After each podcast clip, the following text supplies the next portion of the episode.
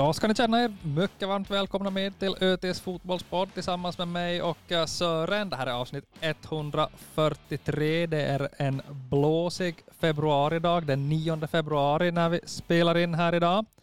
Uh, finns i vanlig ordning förstås mycket att uh, snacka om. Sören, hur är läget? Ja, stressigt här från, från rusen från, ett, från ett håll till ett annat känns det som och det här uh, silly, silly season går, väl, går, går in på högvarv får man väl säga. Vi noterar här fyra nya KPV-kontrakt till exempel. Ja, det är ganska mycket i, i den så kallade nyhetssvängen just nu.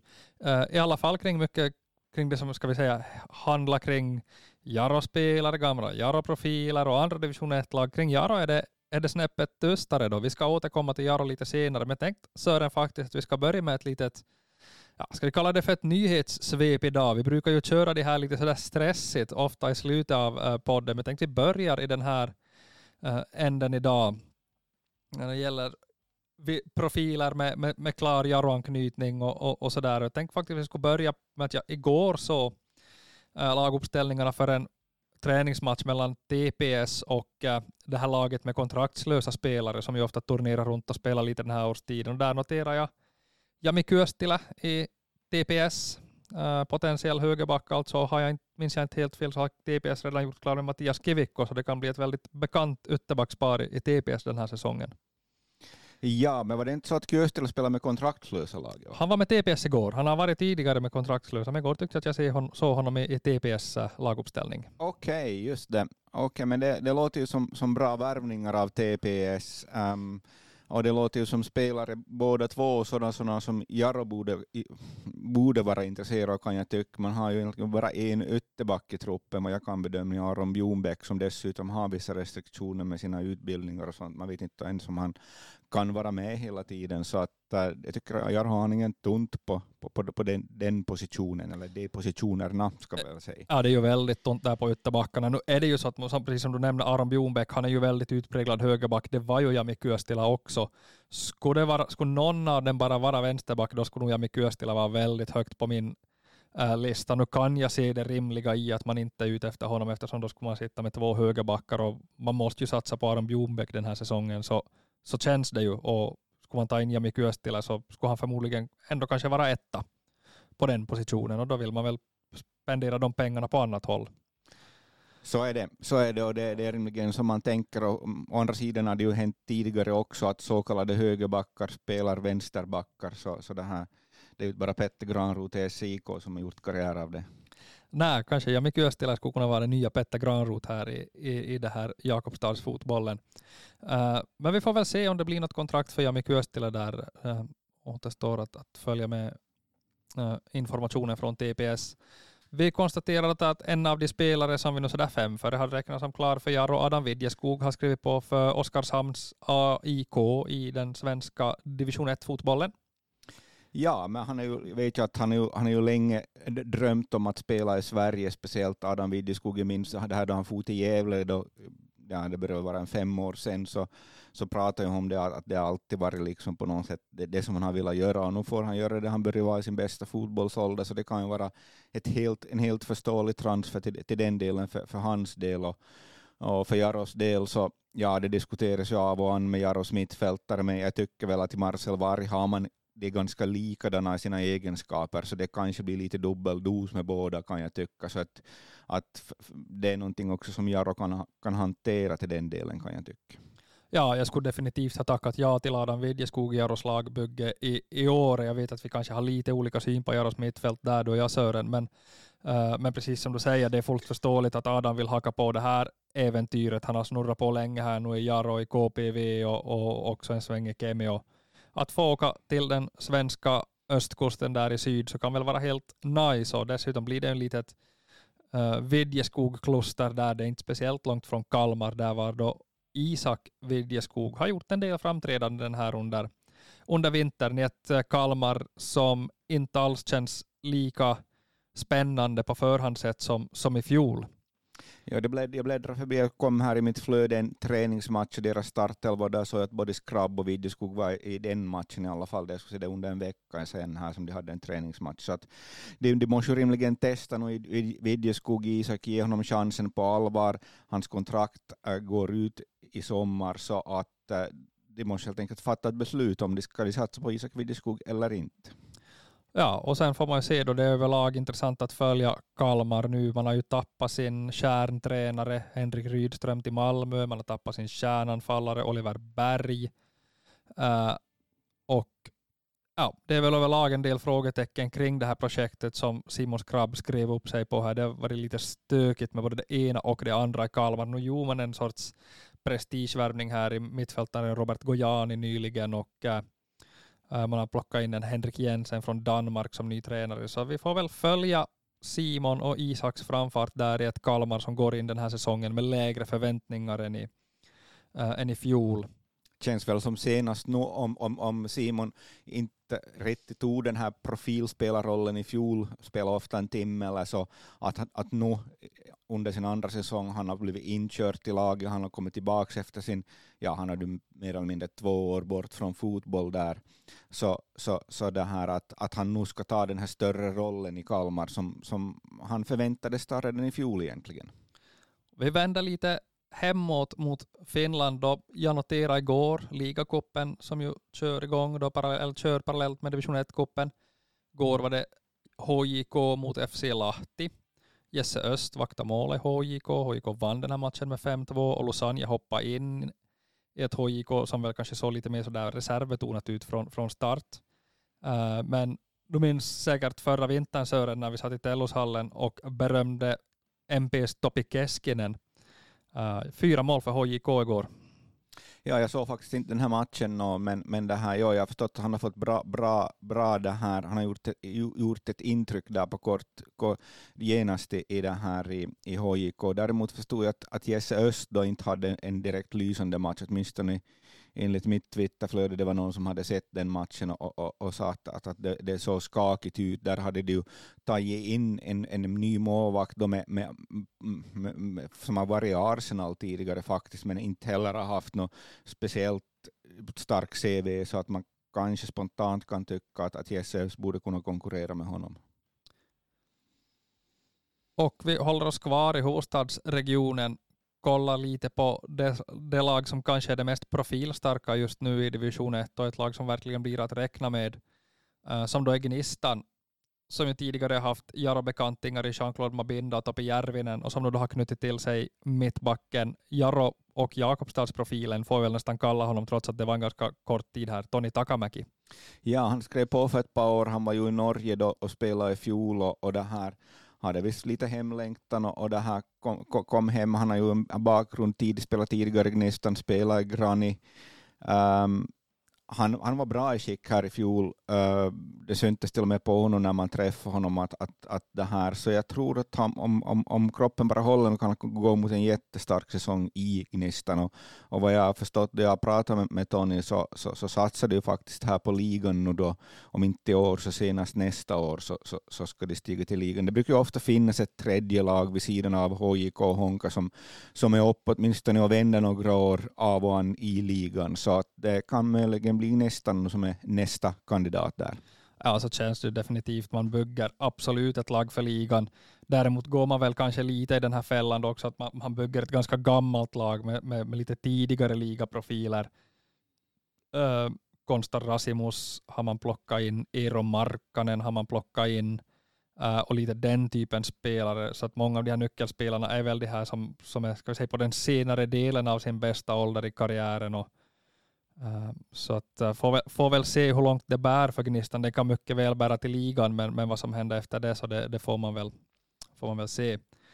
Eh, men visst, det är ju svårt att säga någonting så här tidigt på säsongen, det har vi lärt oss, eller så här tidigt på försäsongen, men i nuläget så är det väl Gnistan som gäller som någon sorts förhandsfavorit i ettan.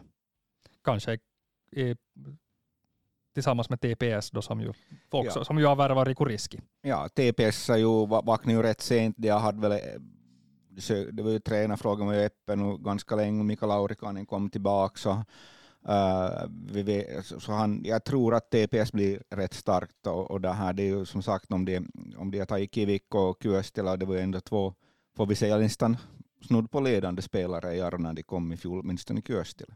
Mittbackar finns ganska bra i TPS och sen då med med rutin som Kasper Hämäläinen och Riku Riski och, och, och, några av de här riktigt unga lovande där så blir nog TPS ett, ett topplag i, i, år också. Allt annat skulle, skulle förvåna storligen. Uh, en liten, ett par rubriker har jag ännu här på min lilla nyhetslista. Uh, vi konstaterar att Adrian Svanbäck har gjort ska säga, Premiär, spela för Helsingborg en del här under försäsongen. Har du följt det här alls Sören? Ja, så där lite på distans. Um, pratar ju faktiskt här med Mini här kring, kring vid årsskiftet och, och, och ja, Adrian Svanbäck, lika gammal som Isak Vidjeskog, det är ju samma skede av karriären, de ska ta det här, håller på att ta det här svåra steget in i seniorfotbollen och, och, och det här, ja, det, båda, båda, Isak har ju haft en större roll då i, i landslaget, han har varit med i en samling, Adrian Svanbäck, och, och det här um, Isak Widjeskog har ju också varit kanske snäppet före, kanske möjligen i den fysiska utvecklingen, spelar lite mer seniorfotboll än Adrian Svanbäck. Ett namn som jag hade bort här på listan, men som slog mig nu, som också hör till vår region, så det är ju uh, Jimmy Hackspik, som vi har sett i lite olika klubbar här och lite olika klubbar uh, i södra Finland på senare år. Klar för Helsingfors IFK nu. Ja, han har ju alltid gjort, gjort sig känd för att han har varit liksom en, något av en träningsnarkoman, han på det sättet har bra inställning. Spelar Jaros B-juniorer var ju ofta den här som ja, ska vi säga 12 13 spelaren är ofta som kom in, eller, eller liksom kanske inte den ideala men strax därefteråt. Och, um, Mm, han har gått den långa vägen. Ja, och gjort sig en hyfsad karriär. Det börjar vara ganska många matcher i division 1 ändå. Det är inte så många som, som uppnår, speciellt inte om man inte är i startelvan som, som B-junior i ett, i ett lag som Jaro. Mm. Sen har vi väl Pietro också då som samma, samma årgång där och han har väl ett, gjort ett försök i Salp. Jag vet inte om möjligen att de här, de här säkert studerar i södra Finland tippar jag förmodligen är det, är det just så, ja, Pietro så hörde ju också till det här som, han var ju kanske lite mer ordinarie Jaros B-juniorer då på, på sin tid, men han har haft svårt i seniorkarriären att riktigt slå igenom. Fick ganska många chanser ändå med KPV förra året. Uh, när vi är inne på Jimmy Hackspik och HIFK så är det alltid ett intressant lag att se på också. Uh, om Gnistan rustar så kan vi säga att HIFK då tog in uh, gamla mittbacksprofilen, får vi väl säga Paulus Arajuri, i övrigt ser det inte så där extremt imponerande ut om vi tittar på HIFK namn för namn och, och är väl kanske mer ett mittenlag i, min, i mitt förhandstips just nu. Ja, det känns väldigt osäkert hur mycket fotboll Paulus Arajura överhuvudtaget har kvar i sin sargade kropp. Han, han spelar väl typ ett par matcher med HJK, han, han verkar ha problem med skador. Um, kan han, kan han spela så blir det förstås en tillgång i division 1. Det får man väl räkna med, men hur många matcher man får ut av honom så, så är ju en, känns osäkert. Har du någon sådär koll på division 1-lagen? Vi följer ju Jarro och, och, och KPV ganska mycket i detalj här, men, men sådär i övrigt om du skulle ta, plocka någon förutom TPS och, och Gnistan som ju är, är lättplockade som favoriter, är det någon som du ser som kan vara med i toppen eller som du absolut inte tror på i det här skedet? Nej, direkt. Det, det känns väldigt jämnt och osäkert och, och, det känns precis som vad som helst kan hända. Och det här, minst Jaro, då, vårt Jaro känns ju väldigt otippat och, och liksom svårt att, att, att um, nu man ser, se, kolla KPVs trupp i år och, och vad Jaro har för trupp, jag menar snudd på typ hälften av Jaros trupp är division 2 och 3 spelare så att, så att uh, jag menar Jaro går ju nog in med, med, med, med, låg profil känns det som. Lyckas man inte jättebra, och nu talar man om två anfallare till, lyckas man inte jättebra här så ja, det kan gå hur som helst till ettan att, att det här det, nu känns ju en nedflyttningsstrid mer sannolik än en, en, en uppflyttningsstrid. Ja, i nuläget är det ju exakt så, så som det är. Uh, och vi hade ju Steven Ward här för ett par veckor sedan och, och, och pressade honom lite på det här med Jaros förstärkningar. Uh, han landar väl då i att det skulle bli, han, han ser ännu att Jaro ska ha tre spelare. Uh, I det läget så uppfattar väl jag det som, som sa att Steven pratar om tre renodlade förstärkningar utifrån. Sen dess har man då skrivit kontrakt med Teemu Järvenlahti och nu låter det ju från Jaro håll som att han är då en av dem och absolut inget ont om Teemu Järvenlahti. Det är säkert en spelare som kan ta stora kliv i år. Uh, men det var ju inte det riktigt, det var inte den sortens spelare man kanske tänkt på när Steven Ward pratade om tre spelare till. Nej, uh, och, och, vi har ju en spelare som Teemu Järvenlahti utan att kunna kolla upp för det här samtalet. Han var väl han har inte spelat jättemycket fotboll i typ i fjol och, och, och det här, ja det var militärtjänstgöring och sånt och kanske gjort vissa andra prioriteringar med, i, i, i livet här emellan så att, att det är inte bara så där att ta en paus från fotbollen och hoppa in i division 1 plötsligt. Och det här kan man ju, samma sak är ju med Rasmus Korkeaud också som har varit borta minst ett par år från fotboll. Så att ja, det känns inte riktigt som det här skulle vara riktigt realistiskt. Att ja, det känns mer som, om vi tar de här och, och lägger till Anton Strömbäck nu, så känns det ju mer som JBK-spelare än Jaro-spelare. Ja, för ska vi säga att Jaro skulle lyckas nu med sina två anfallsvärvningar som man ska göra och, och liksom lyckas gå från det här nu då hyfsat skadefria så, så har man ju kanske då en första elva som bara, bara den då får vara, vara ordinarie, den här, den här idealelvan, så då, då ska man väl kunna vara med på övre, övre halvan i, i bästa fall. Uh, men nu vet vi ju redan att Severi Kähkönen kommer att vara borta mer än halva säsongen. Det ska vi försöka prata mer om här ännu lite senare.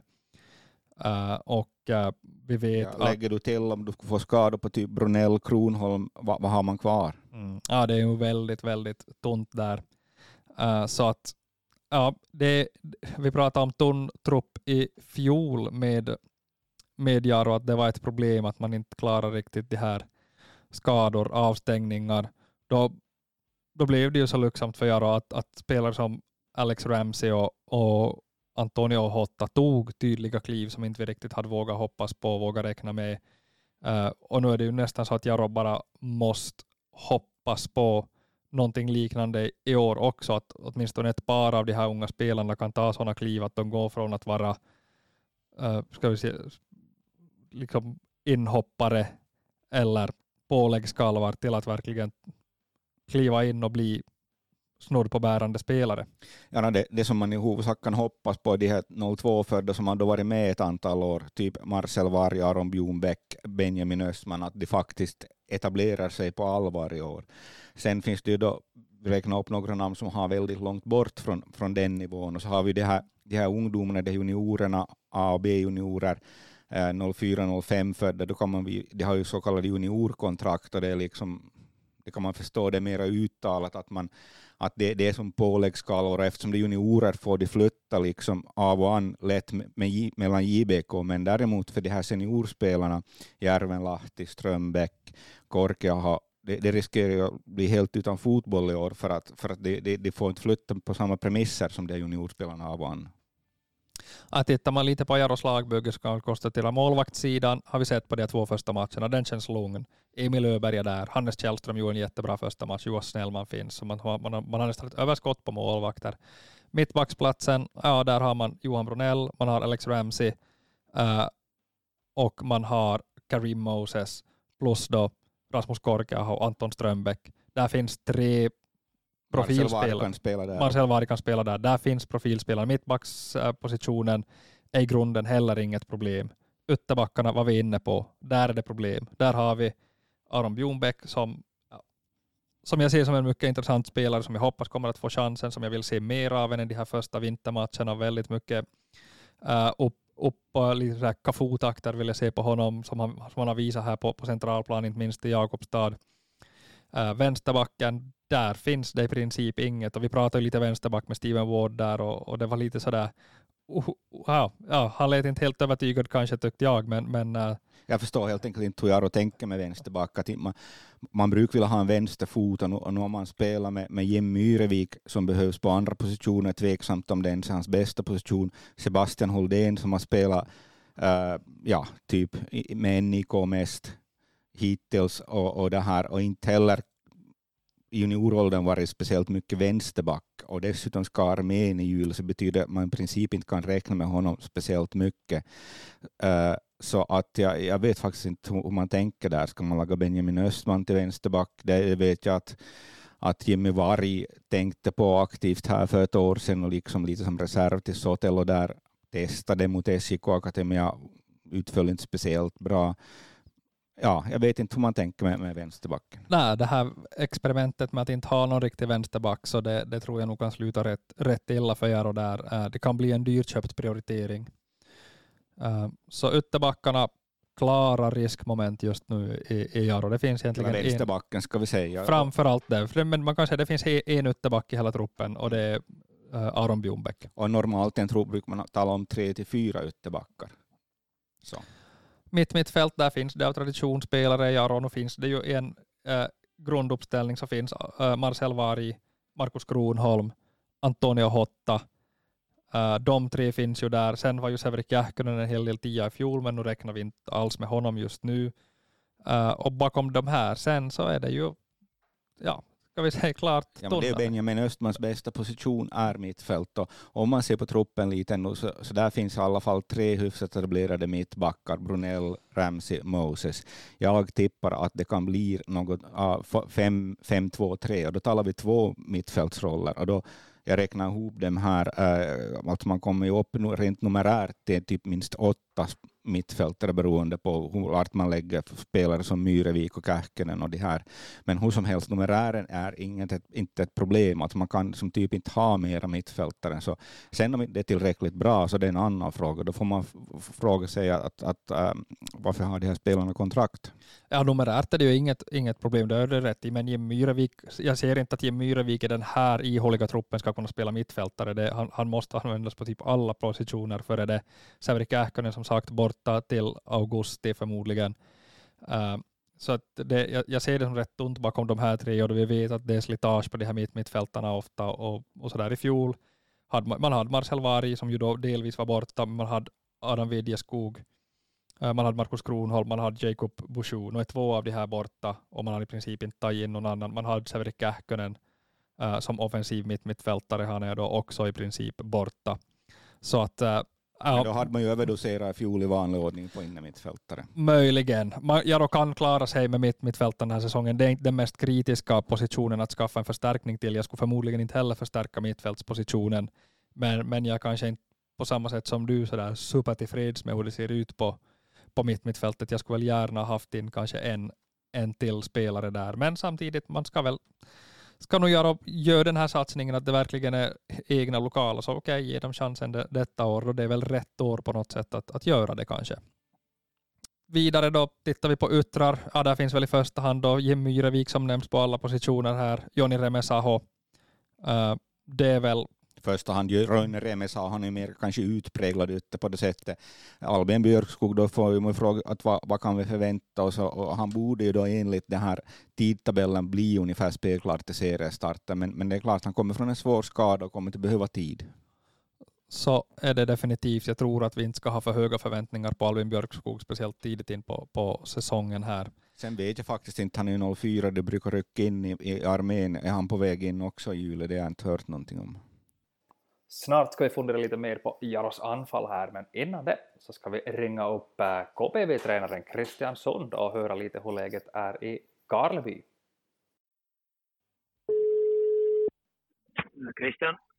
Ja, goddag Christian Sund. Hur är läget i Karleby? Det, det, är riktigt bra. Vi har just haft, haft morgonträning och nu har jag just ätit lunch här med med assisterande Aki Sipilä, så är, är riktigt bra. Låter kanon. Ja, du är live här i ÖTs fotbollspodd just nu då vi har suttit och snackat lite, äh, lite allmänt om, om läget i division 1 och lite Jaro här och nu ska vi börja rikta blickarna mot, äh, mot Karleby och, och KPV. Äh, det är bara någon timme sedan det gick ut en nyhet här om en, en del nya spelarkontrakt. Om vi börjar i, i den änden. Hur äh, Äh, kommentera era era nya kontrakt lite och, och vad det betyder för, för lagbygget? Ja, när vi har haft, ska vi säga hela, hela januari har vi haft en massa testspelare på prov och, och, och, men till slut då så hittade vi inhemska spelare, Mika Kauppila som då i fjol också spelade med oss som en väldigt viktig kugge.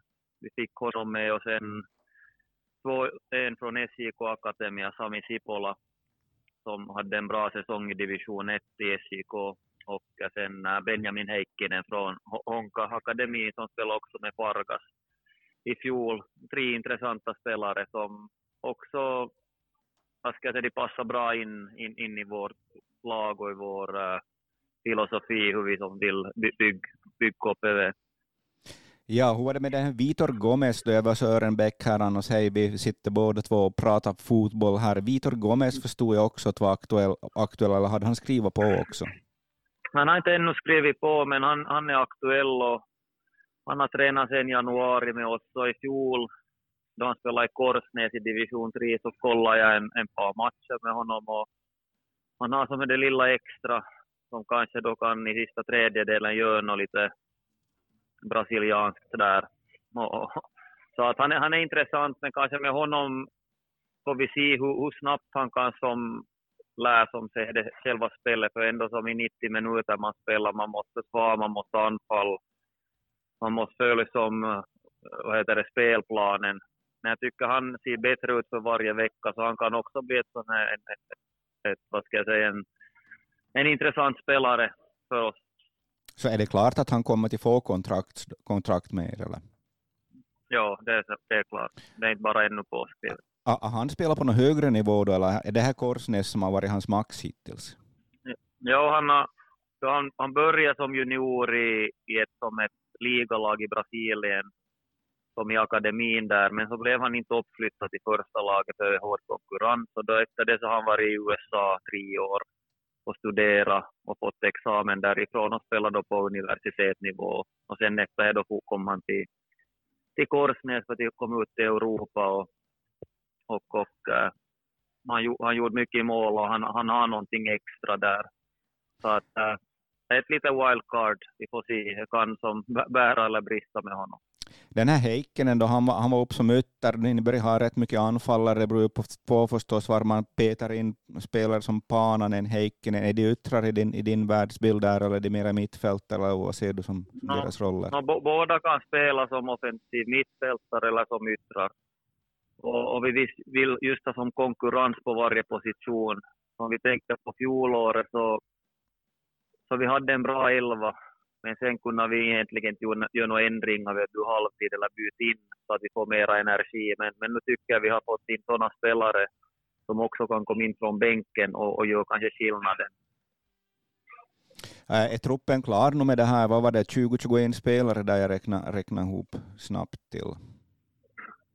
Ja, vissa de här yngre spelare som Ande Åberg och Hautamäki, så de är bara som på tre, tre månaders kontrakt. Så de måste man då se efterhand att klarar de, klarar de av trän varje dag och hänger de med. Så att vi ligger väl där på en 18 spelare, skulle jag tro, sen då säsongen kör igång. Med 18 spelare. Ja, utespelare då. Ja. Och, är lite så det, och vi kommer ju till ha säkert några skador också som kommer upp, så det blir nog, blir nog tajt. Men som jag sagt till de som kommer hit, så att jag vill som satsa på alla, alla spelare som, som är med i truppen, så de kommer också att få, få ett ansvar och, och kommer till, till vara väldigt viktiga för laget. Vi har fått in några läsarfrågor, eller lyssnarfrågor ska vi säga här till, till, mm. till dig som, som KPV-tränare. Vi kan ta den ena här nu med samma, Sebastian Nottimäki som, som undrar vilka platser man ännu vill förstärka i KPV, men ska vi förstå det här som att, att laget i princip är färdigbyggt nu? Mm, ja, vi, vi söker ännu efter, okej, okay, som budgeten är egentligen använd. Vi har som inte något no mer budget. Men om det kommer ett utifrån och stöd, några sponsorer, då vill vi söka en som är mittback ännu. Så, att, så är där vi som en vänsterfotad mm. mittback. Det, det söker vi ännu, men det måste vara en, en mittback som, som man ser då han är på plan och på träning, att han är, han är lite högre nivå än, än, än vad vi har. Jusa Ihalainen, då, är, han, är, han, är han med i bilden ännu? Han är med i bilden, han har han tränar hela januari och den här veckan var han bort, bort men, men, han är med i bilden. Vi försöker hitta också jobb så han kan jobba på eftermiddagen. För, för man måste ju också ha som pengar så att man kan leva och det är lite som vi försöker fixa åt honom. Men, men, men det ser nog positivt ut med honom att han ska fortsätta. Han är också i fjol gick han jättemycket framåt och han, han är från Kokkola, han har jättebra inställning. Jag tror han också kan ta, ta steg att han kan bli en jättebra division 1-spelare. Sebastian, och samtidigt en fråga här, du, var, du, var, du nämnde både pengar och budget här, så då kan vi passa på att ta den frågan samtidigt. Om du vill säga någonting om det, hur ser eh, KPVs eh, budget ut i år jämfört med i, i fjol? Är den likvärdig eller rör det sig åt något håll? No, det, det är likvärdigt, lite kanske plus minus upp, upp eller ner, men vi vill, vi, det ligger runt samma budget och så att eh, och utifrån det så jobbar vi, att, att vi kan inte gå över den budgeten vi har. Och, och så att, eh, men som vi såg i fjol, att vi, vi, vi klarar oss i division 1 med den budgeten och det kommer vi säkert att göra i, i år också. Och uh, nu har vi fått in sådana spelare som vi vill ha och kanske satt ut sådana spelare då som inte kanske som passar in på det sättet hur vi vill spela. Pratar man 150 000, ja, pratar man 150 000 här då, eller vad, vad rör det om för, för spelarbudget? Jag kanske inte vill gå in i in någon summor, att, att, för jag har som inte heller riktigt koll på det, men vad jag vet så att det som ligger på samma. Hur ser läget ut i truppen då? Det var ju, det var ju lite krissnack här ett tag om att KPV inte skulle få ihop laget till, till division 1-cupen. Nu fick man det, vann första matchen och sådär. Började det vara, se ljusare ut? Mm, ljusare ut ska jag säga att äh, enda som, och nu har vi som Patu är tillbaka för fullt. Han spelade bara en halvlek senast, lite, det var lite på risk också. Det ska kunna bära eller brista där för honom, men han klarar sig. Och sen Harris får vi tillbaka nu till, till lördagen. Manström är i 100 procent skick nu. Och äh, enda som är ännu osäker är ju Ville, Ville Välipakka och Kakuahokangas. Men, men alla andra så, så det här ska, ska borde vara i skick till lördagen om inte nu händer något.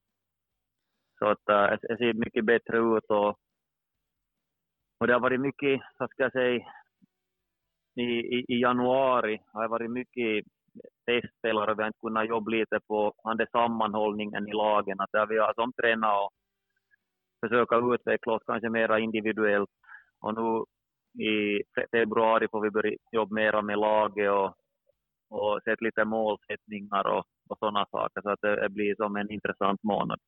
Och är det att, att jobba just på det här sättet som ni har gjort då i januari med väldigt mycket testspelare, det har vi ju följt ganska mycket här i, i Jakobstad genom åren också, där det har varit en tradition av väldigt mycket testspelare. Nu har man jobbat på ett annat sätt de här senaste åren. Uh, men, men ja, vad, finns, vad ser du för fördelar och nackdelar med det här sättet att bygga trupp i, så här, under den här långa försäsongen med, med mycket test? No, då kanske problemet är att, att varför vi måste göra det här, alltså mycket testspelare, för vi har som ingen, eh, ska vi säga, scout som kan scouta de här spelarna. Och, och jag, jag litar inte på en agent som säger att de har en bra spelare som passar in i hur du spelar, så därför måste vi ta du spelaren på plats och se passar han in alltså mentalt, tekniskt, taktiskt. Så vi får just den spelare som vi vill ha. Men sen, sen ser man också här att, att kanske de här agenterna, vi vet inte nivån tillräckligt bra på division 1 i Finland. Hur bra, hur bra är division 1 i Finland? För jag tror att det är lite bättre än, än vad många tror. För de spelarna kanske som vi har haft har som inte hållit nivån. Så det jag tänker att om man tar utifrån en spelare så ska han också vara bättre än, än äh, våra inhemska och våra egna spelare. Och kanske i det här fallet så har inte varit så. Och är, är ganska tungt också till, till berett till de där spelarna som kommer och sam, samma sak om och om igen. Så att, äh, men jag tycker bra var att vi fick som test och se. Och också de spelarna som kom, att de fick se att, att kanske det inte riktigt räcker till ännu, fast kanske de tror det. Så att, äh, det är både, både plus och minus. Sen skulle det vara bäst av allt att man skulle kunna ha en scout som skulle kunna fara och se på de här spelarna då det är någon annanstans. Och hur de tränar, hur de spelar. Och sen skulle vi vara som på säsongen börjar eller i januari, då vet vi att, att de här två spelarna ska vi som ta, för de här kommer till kun spel som vill i KPV plus mentalt är de, är de också som uh, färdiga till som träna och spel. Så att ja, så här kanske. Ja, en fråga ännu som gäller just det här, det, det är Sebastian som undrar här också, undrar just om de här värvningarna och han var in på det här, han är in på det här med scouter och agent, eller just har jobbat mm. med scouter, då, då, då inte de, de pengarna finns ju sällan i division 1 här i Finland och agenterna är svåra att lita på, säger du. Men hur är det med, med så här, liksom mer, mer så här, det här moneyball-tänket? Ser ni mycket på det här liksom statistik och data och analyserar spelare på det sättet innan ni tar in då och testar och, och, och, och kollar, eller hur, vad har ni för möjligheter på, på det området? No, ja, visst har jag lagat ett sånt här system som har att göra med statistik, att om man spelar som defensiv mittfältare då vill vi ha de här statistikerna, men, men sen de här spelarna som, som vi kan ta, kanske inte i KPV, så det finns inte så mycket statistik på sådana spelare. Vet att, vi, att, att det är mer att vi måste som sidor och hoppas att, att vi kan som utveckla, utveckla dem, men, men liksom i, en, i en bra värld, då skulle man kunna som man skulle ha statistik, man skulle kunna följa upp, okej okay, de här två spelarna vill vi ha, men oftast är det som man kollar statistiken och sitter vilka spelare kommer upp, så de där spelarna, den budgeten skulle inte som räcka till, helt, helt, inte alls i närheten. Så att, mm. så att, uh, ja, så att vi, vi, vi är agenterna mest och, och vissa agenter kan man ju lita mer på än andra. Att, att uh, Ja, de, de flesta mycket... tränare eller föreningar brukar väl ha då vissa agenter som man så att säga nätverkat mera med. Och, mm. och liksom, precis som du säkert har tränarkollegor också som du pratar mera informellt med och, mm. och utbyter information. Jag antar att det är samma med i agentsvängen så att säga. Ja visst och, och, och bästa är ju att om man kan prata med någon före någon spelare kommer så kan man prata med som tränaren som har varit tidigare för den, den här spelaren, så får han berätta hur han ser på den här spelaren. Då, då får man en, kanske en bättre bild direkt före han kommer. Så att, så att men det är ganska komplext och komplext är det att, att hitta de här rätta spelarna. Framförallt personligheten, att utvärdera personligheten om spelaren inte på plats så kan ju vara lite knepigt. Nej, det, det, det är omöjligt att att man kan se på en video och se att jo, han är bra, men sen då han kommer kanske som i omklädningsrummet då eller på plan så är inte han alls kanske det vad, vad man behöver. Att, så att, äh, ja, men det här som vi har fått nu, som de tre, fyra spelarna, så de har, har alla de här sakerna vad vi som, vi som söker. Att, att där, där är vi jättenöjda. Ja, intressant inblick i, i scouting och värvningsvärlden. Vi, vi blickar väl kanske lite framåt och det är två matcher som väntar här mm. med, med, kort varsel nu till helgen då SJK Akademia i division 1-cupen och, och, veckan efter så blir det laddat derby mot äh, Jarro. Vad ser du på de här matcherna? Vad vill du ha för, för svar i det här, på det här, äh, i det här skedet av, av säsongen? Nej, ska vi, uh, om vi tar den JJK-matchen först, att okej, okay, vi, vi, tog en trepoängare där, men, men visst som sagt hela januari var, var utmanande, både på grund av att vi inte hade spelare, men också att det var nya spelare varje vecka. Vi kunde ha som fyra kontrakterade spelare, resten testspelare, så det var väldigt svårt liksom, jobb på det taktiska. Men nu har vi fått jobb den här veckan bra, så nu, nu jag skulle vilja se mera helhet i, i matchen nu mot, äh, mot det här äh, SJK. på lördagen. Mm. Ja, SJK, att, att, att, uh, att vi försvarar som ett lag tillsammans, men också att vi har våra stund, stunder med bollen.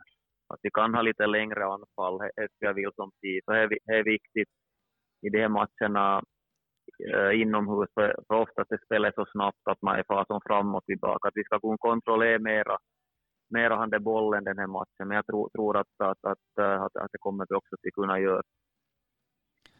Har ni någon målsättning för, för division 1-cupen sådär rent resultatmässigt eller är det en liksom testa, testa på turnering för det, er del? Det är nog, det, det är nog mera som, uh, vad ska jag säga, vi, vi sätter upp små, små målsättningar som med, med vårt spel, att i försvarsspel och i anfallsspel, olika saker vad vi vill som få till lyckas, så kan vi som ge feedback på efter, efter de här matcherna. Att, att resultaten är inte, är inte det här läget som det viktigaste. Det är mer hur vi, hur vi presterar som lag.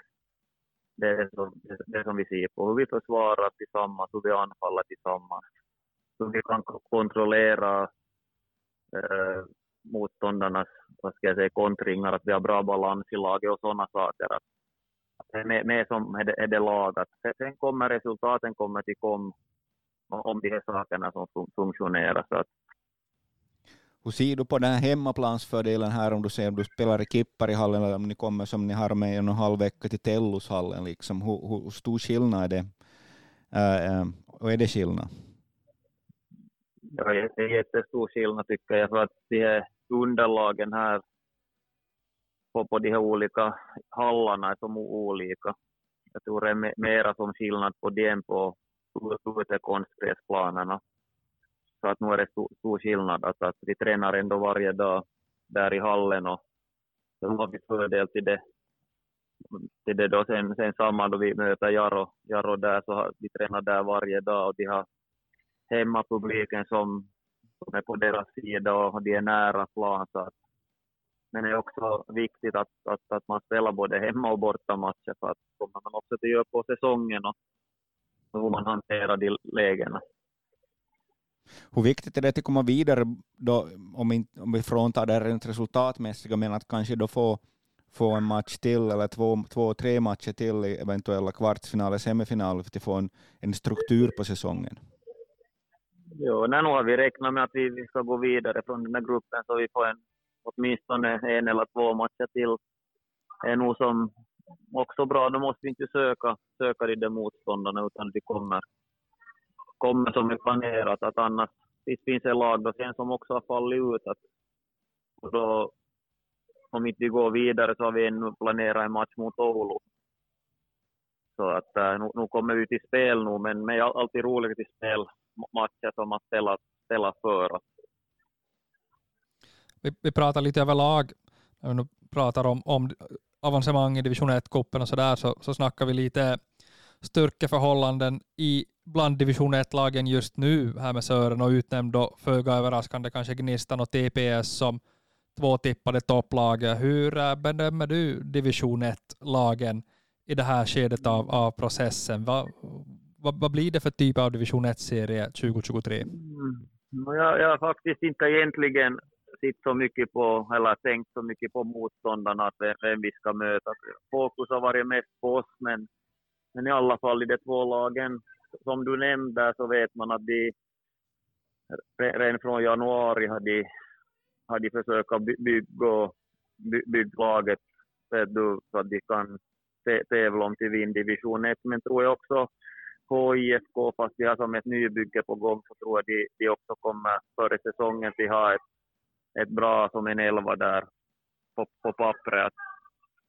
Så att eh, äh, det ligger väl nog runt i lagen och, och så tror jag alltid Jarro kommer till ligga lig med där i toppen oavsett att om, om det är nybygge eller att, så att det är aldrig, är aldrig, är aldrig lätt för någon att komma till Jakobstad och spela. Så att, äh, men för vår del kanske så är det att, att vi, vi, vi är på hand eh, om vi skulle vara på övre slutet, dit topp sex, så skulle det vara som för oss ett, ett väldigt positivt resultat och det siktar vi på också. Ja, Christian, då får jag väl tacka så väldigt mycket för att du tog dig tid och, uh, var med i Fotbollspodden idag. Mm, vi, tack ska du ha yes, Vi önskar lycka till med, med försäsongen och, och så får vi ju garanterat höra sen igen innan uh, säsongen kör igång på riktigt där i, där i april. Yes, det låter bra. Tack ja, ska du ha. Tack hej själv. Hej, hej. Ja, det var Christian Sund och hans äh, tankar här inför äh, ja, kring vintern. Speciellt intressant tycker jag det här med, med lagbygget, med testspelare. Det här har vi ju pratat om förr också Sören eftersom ju Jaro, kanske speciellt under Jeremenko-tiden, jobbar väldigt mycket med, med testspelare och, och, och, det var ju alltid på gott och ont. Det kom något äh, guldkorn där. Det kom ganska många turister. Ja, det var ju ganska långt också en ekonomisk fråga och det är också när man tar in det här att, att, att vissa, vissa gånger räknar man får, får dem på de här så kallade sex månaders kontrakten och man får, får då komma på, på, eh, skattemässigt på andra premisser in i landet och så det blir fördel, mer fördelaktigt då för spelarna och indirekt också klubben. Att, att de kommer ju ofta kunna de komma här i april eller just veckorna före, före serien börjar. Att, att, eh, men då tävlar man på en lite högre nivå och, och, och det var helt enkelt en förutsättning att, att, för att, för att få, få, få, få ihop en tillräckligt slagkraftig trupp att man kan ju kanske då bygga mera hemvävt, vilket Jaro nog då försöker i division 1. Att det är ju ändå trots allt en nivåskillnad. Ja, jag tyckte det var ganska spännande som, som Toffe sa om statistik och, och, och sådär, att det är, ganska, det är väldigt svåranalyserat utgående från det här Moneyball-konceptet på den här nivån, för att det finns helt enkelt inte den analysen kring de här spelarna på, i det vatten som de här division 1-klubbarna måste, måste fiska, vad det verkar. Så att den, det, det verkar svårt att, att scouta den vägen. Ja, så är det, så är det, så är det förmodligen att ta en, en Vitor Gomez i Korsnäs, inte vet jag vad de samlar för data där i division 3. Mm, ja, jag, jag, är inte insatt med att jag skulle vara förvånad om du samlar data överhuvudtaget. Mål och assist är det väl ungefär. Kanske gula kort kan synnas där på bollförbundets sidor om man har tur. Uh, men vi är in på, på testspelare, värvningar. Christian Sund nämner en uh, profil mittback vill man ha ännu i KPV, en vänsterfotad som säkert då i första hand ska kunna bilda mittbackspar med, med, med Harris Chantsopoulos, Patrik Byskatta förstås med i den där mittbacksekvationen. Samuel Uusitalo. Han också, ja. Så att, äh, precis som, som Jaro så vill man tydligen då ha en ganska robust mittbacksbesättning. Ja, där brukar det komma avstängningar ofta också. Så, så, att det här, och man vet ju att, att äh, speciellt, vi pratar Paulus Arajure har en sargad kropp, fotbollskropp, så är det väl samma gäller lite väl kanske för Patrik Byskatt också som har haft, haft mycket skadeproblem och, och spelar ofta kanske halvskadad och, och det här, det är väl kanske lite tveksamt att hur, hur många matcher han, han, han, han, han, hans kropp håller för i år. Uh, vi ska ännu snacka lite Jaro här då. Vi hann så långt som till anfallarna ungefär. Uh, och det är ju där då Jaro har sagt att man ska värva, man är ute efter två anfallsspelare och jag antar att man då med det menar både centrar och uh, kom, en, åtminstone då en kompetent ytter. Uh, centern så noterar jag att Alhaji Gero fortsättningsvis verkar stå utan kontrakt. Nu pratas det ju om två testspelare till Jakobstad nästa vecka, två anfallare. Vi har inte hört något namn, jag har i alla fall inte gjort det. Och se då vad, vad dessa anfallare kommer att heta.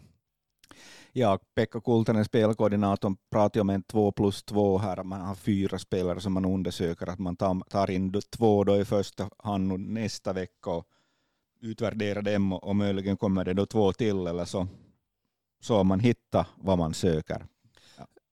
ja, där får man väl följa med träningarna lite i början på nästa vecka och se hur det ser ut. Jaro har ju spelledigt den här helgen Eh, Eh, efter att ha spelat cupmatch två veckor i rad här. Först förlusten mot SJK Akademi och så seger mot JJK. Nu har man ledig helg.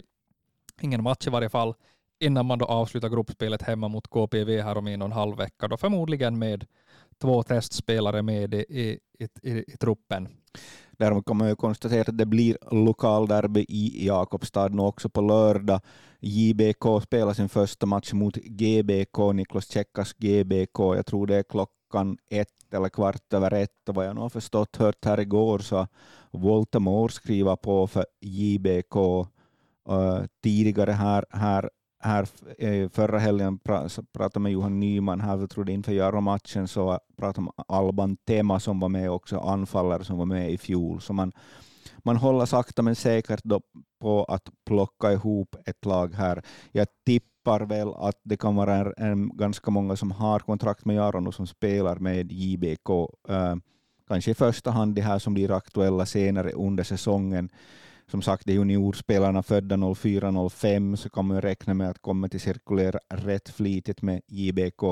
Men också de här då som har varit borta och behöver matcher med med, med, med Järvenlahti och Korkeaho i första hand.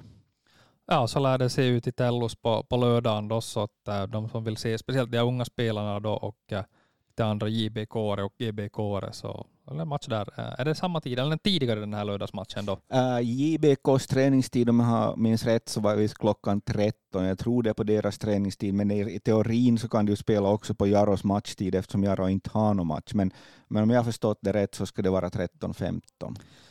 Uh, en nyhet vi hade ju då den här veckan var att det blir operation för Severi Kähkönen. Uh, och det här är ju en sån där sak som, som känns lite sådär märklig att den kommer nu. Det var ju mycket prat om Severi Kähkönen skadade i slutet på förra säsongen, att man kanske inte riktigt hade varit uppmärksam på det här problemet.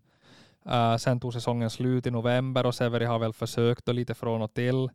Sen uh, kommer det här beskedet om en operation då nu när försäsongen är en och en halv månad eller en månad gammal. Uh, och nu ska ju varken jag eller Sören uttala oss på något sätt i, i form av, av, av, av någon som ska ha något medicinskt stort kunnande. Men visst känns det lite märkligt att man nu i det här skedet konstaterar att det blir operation och att den här långa vilan då går, ser ut att kunna gå så långt som till augusti. Visst är det det, visst kändes som slöseri med ett halvår här som har farit i onödan. Att kunna bli åtgärdad direkt så skulle Severi i princip kunna bli spelklar så småningom. Sen är det väl, har väl en viss, som lekman en viss förståelse att det är svårt att ställa exakta diagnoser. Olika läkare kan ha olika synpunkter på vilken diagnosen ska vara. Nu var det visst en Heikkila då i, i, i Åbo som, som eh, enligt Kultanen då ska vara en av de här bättre, bättre eh, inom området som, som har fattat det här beslutet. Och, och, och man vet, enligt vad Kultanen sa, man vet ju inte heller att det kan ju vara att, att den här Eh, att skadan har förvärrats längs med tiden, att, det som, att, att, att diagnosen på det sättet att, att, har förändrats, att, att, det, här, att det, det, det ser annorlunda ut nu än vad det såg ut i oktober möjligt. Vi kan bara sitta här och gissa. Att, men, men det kan ju också ha att göra med förstås att det är en resursfråga också. Vad har man tillgång till för resurser? Det finns väldigt ont om resurser i finsk fotboll och inom Jaro. Också medicinska resurser. Och, och, och det här, um, ja, det, och sen har vi ju haft också ett, ett regimskifte i Jaro med, med, med folk som har slutat och folk som har kommit till. Och, och det, det, finns alltid saker och ting som hamnar i skarven så att säga. Och det här kanske då är en av de sakerna ja, det är ju frustrerande förstås, för, givetvis för de som, som bygger laget, för tränarna och inte minst då för publiken som ju inte kommer att få se Severi som på, på länge. Och inte minst för Severi. Ja, inte minst för Severi själv förstås också.